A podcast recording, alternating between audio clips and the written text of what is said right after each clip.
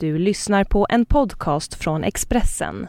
Fler poddar hittar du på expressen.se podcast och på iTunes. Påvens himmel och helvete. Du lyssnar på Expressen Dokument, ett fördjupningsreportage varje dag med mig, Johan Bengtsson, som idag läser Arne Lapidus text om att påven Franciscus både hyllas och hatas. Argentina jublar över sin nye påve.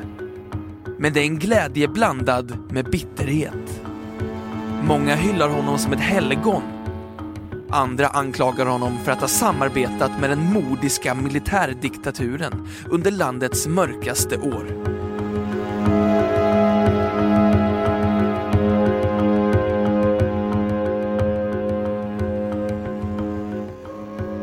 Glädjen visste inga gränser i Argentina när beskedet kom att kardinal Jorge Mario Bergoglio från Buenos Aires hade valts till ny påve. Människor jublade på gatan, lovorden haglade över den ödmjuke och anspråkslöse prästen som var de fattigas beskyddare. Ett känt ansikte i den argentinska huvudstadens slumkvarter och som kämpade för sjuka och utstötta. Dessutom tog han som påve namnet Franciscus efter det italienska helgonet med samma namn som kallades Guds lille fattige.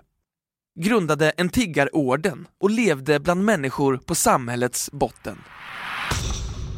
Argentina hade fått en ny stor son, minst lika uppburen som fotbollsstjärnan Leo Messi. Påven och Messi är våra två stora namn. Argentina är ett land på nedgång med usel ekonomi och dåligt anseende i Latinamerika. Förutom fotboll har vi inte mycket att vara stolta över. Men nu har vi också fått påven, säger Rami Wurgaft, argentinsk journalist till Expressen. Snart hördes också avvikande röster i hyllningskören de anklagade den katolska kyrkan och Bergoglio för att ha stött och samarbetat med den brutala militärjunta som styrde Argentina 1976 till 83. Det var en period då regimen förföljde oliktänkande och vem som helst kunde anklagas för att vara statens fiende. De greps, förhördes, torterades och många mördades. Fler än 30 000 människor försvann många av dem barn. Och kyrkan blundade för det smutsiga kriget, något som många argentinare inte har förlåtit prästerskapet för. Nu kommer också mycket allvarliga detaljerade anklagelser mot den nye påven, som uppges ha vägrat ge skydd till två präster som kidnappades och torterades av regimen. Han själv tillbakavisar anklagelserna. I kvarteren runt Folkets moder Marias kyrka i Buenos Aires hörs ingen kritik mot Franciscus. Där är glädjen över hans upphöjelse ogrumlad. Människor är överlyckliga över att deras beskyddare har blivit hela den katolska kyrkans överhuvud. Det kändes fantastiskt när jag fick höra att han valts till påve. Det gick så snabbt, det var en enorm känsla, säger Maria Aurora Arias. 60 år, som arbetar i kyrkans administration. Jag gråter fortfarande av glädje, för vi känner honom. Vi bor nära honom. Vi delar mycket med honom. Han är en av oss, de enkla människorna, säger hon. Flera i kvarteret beskriver glädjechocken de fick när de hörde den stora nyheten om sin biskop. Mamma kom ut och skrek att Bergoglio var påve. Jag kunde inte tro det. Jag började darra i hela kroppen och kände att jag ville gråta, berättar Liliana Diaz Serrano, 21 år. Jag tänkte att det här är ju helt galet. Det är mannen som åt middag med oss, som gick runt i kvarteret med oss, som hittar på grusvägarna här och som delade allt med oss. Det är så spännande och bra att en sån person nu har blivit något så stort. Han säger alltid att ungdomen är kyrkans framtid det är så inspirerande, säger hon.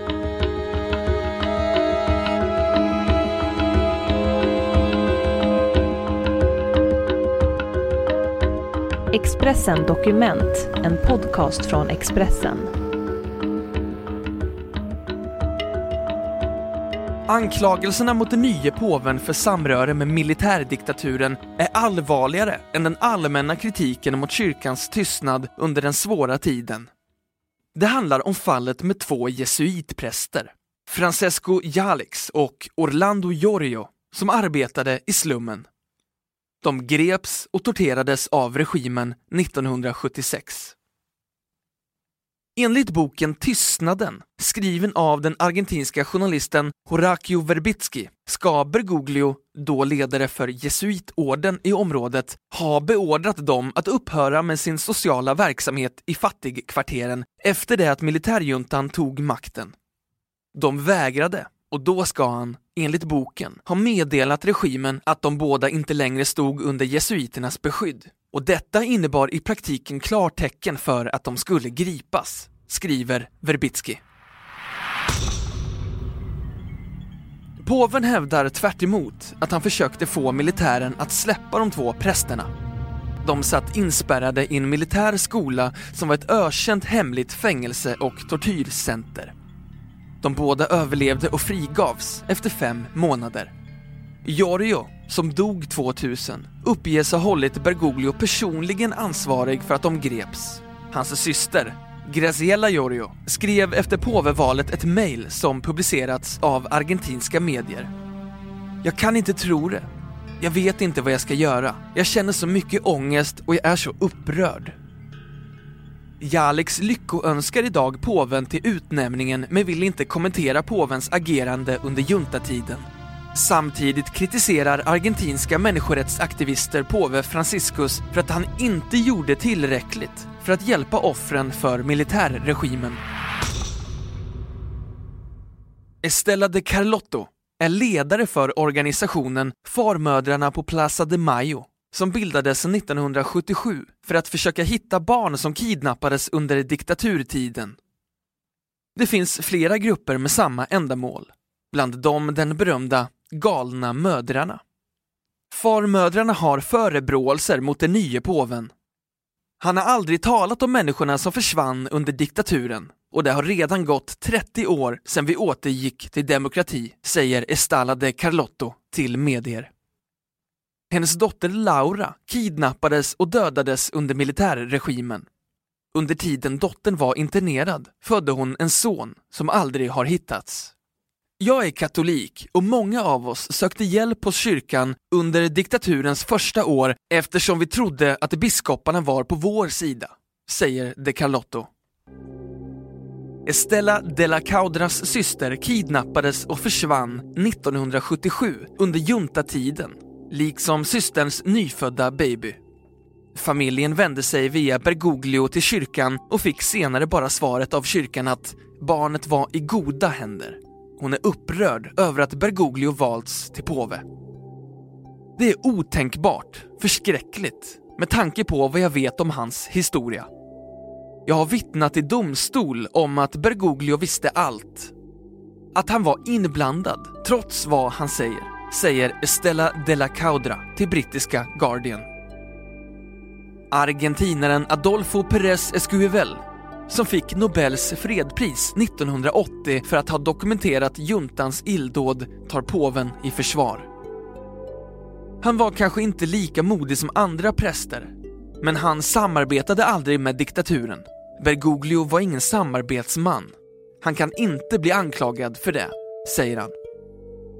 Påve Franciscus kritiker är bara en liten minoritet i Argentina. Folk i allmänhet är dels stolta över honom, dels hoppas de att han ska uträtta stordåd. När jag hörde att Bergoglio blivit påve började jag gråta och skrika som en galning.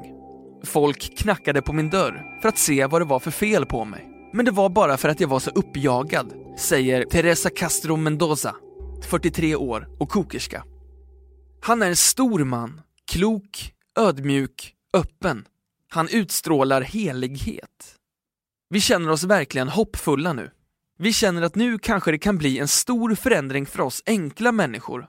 För oss som har väldigt lite tillgångar. Han har sån stor respekt för fattiga människor, för hemlösa barn, säger hon. Hernan Morelli är präst i Folkets moder Marias kyrka som den nye påven ofta besökte. Så som många andra Expressen har träffat i Buenos Aires berättar han om sina glädjetårar när han hörde nyheten och att han fortfarande gråter.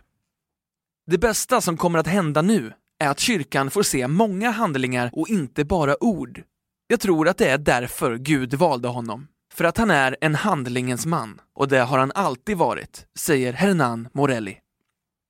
Vatikanen hävdar att anklagelserna mot Franciscus är ogrundade och politiskt motiverade. Flera argentinska bedömare ser kritiken som inspirerad av president Cristina Fernandez. Den nye påven har i många år legat i fejd med presidentfamiljen som har styrt landet i tio år. Hon efterträdde sin make Nestor på posten 2007.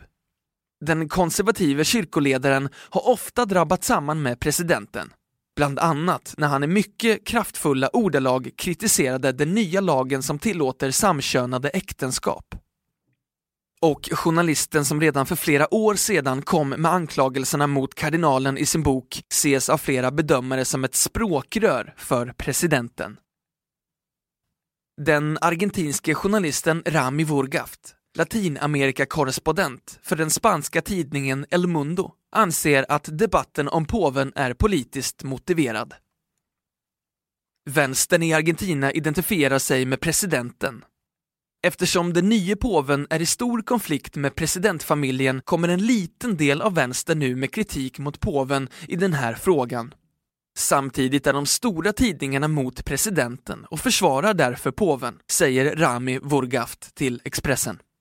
Det är mycket oklart vad Bergoglio har gjort sig skyldig till, om ens något. Det är bara en minoritet som attackerar honom. Och frågan är vad han skulle kunnat göra under diktaturen. Vi ska komma ihåg att militärdiktaturen i Argentina var mycket hårdare mot kyrkan än till exempel juntan i Chile. I Argentina hade kyrkan ingen immunitet. Om en kyrkoledare hade opponerat sig öppet skulle han ha svävat i livsfara, säger han.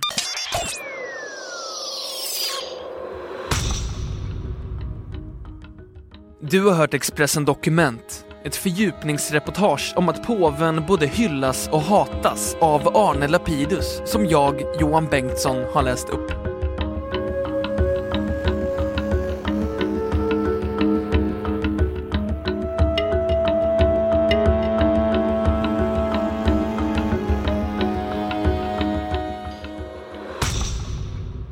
Du har lyssnat på en podcast från Expressen. Ansvarig utgivare är Thomas Mattsson. Fler poddar finns på Expressen.se och på iTunes. Ett poddtips från Podplay.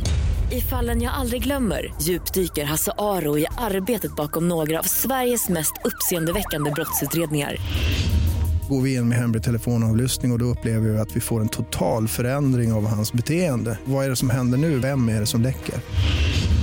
Och så säger han att jag är kriminell, jag har varit kriminell i hela mitt liv men att mörda ett barn, där går min gräns. Nya säsongen av Fallen jag aldrig glömmer på Podplay.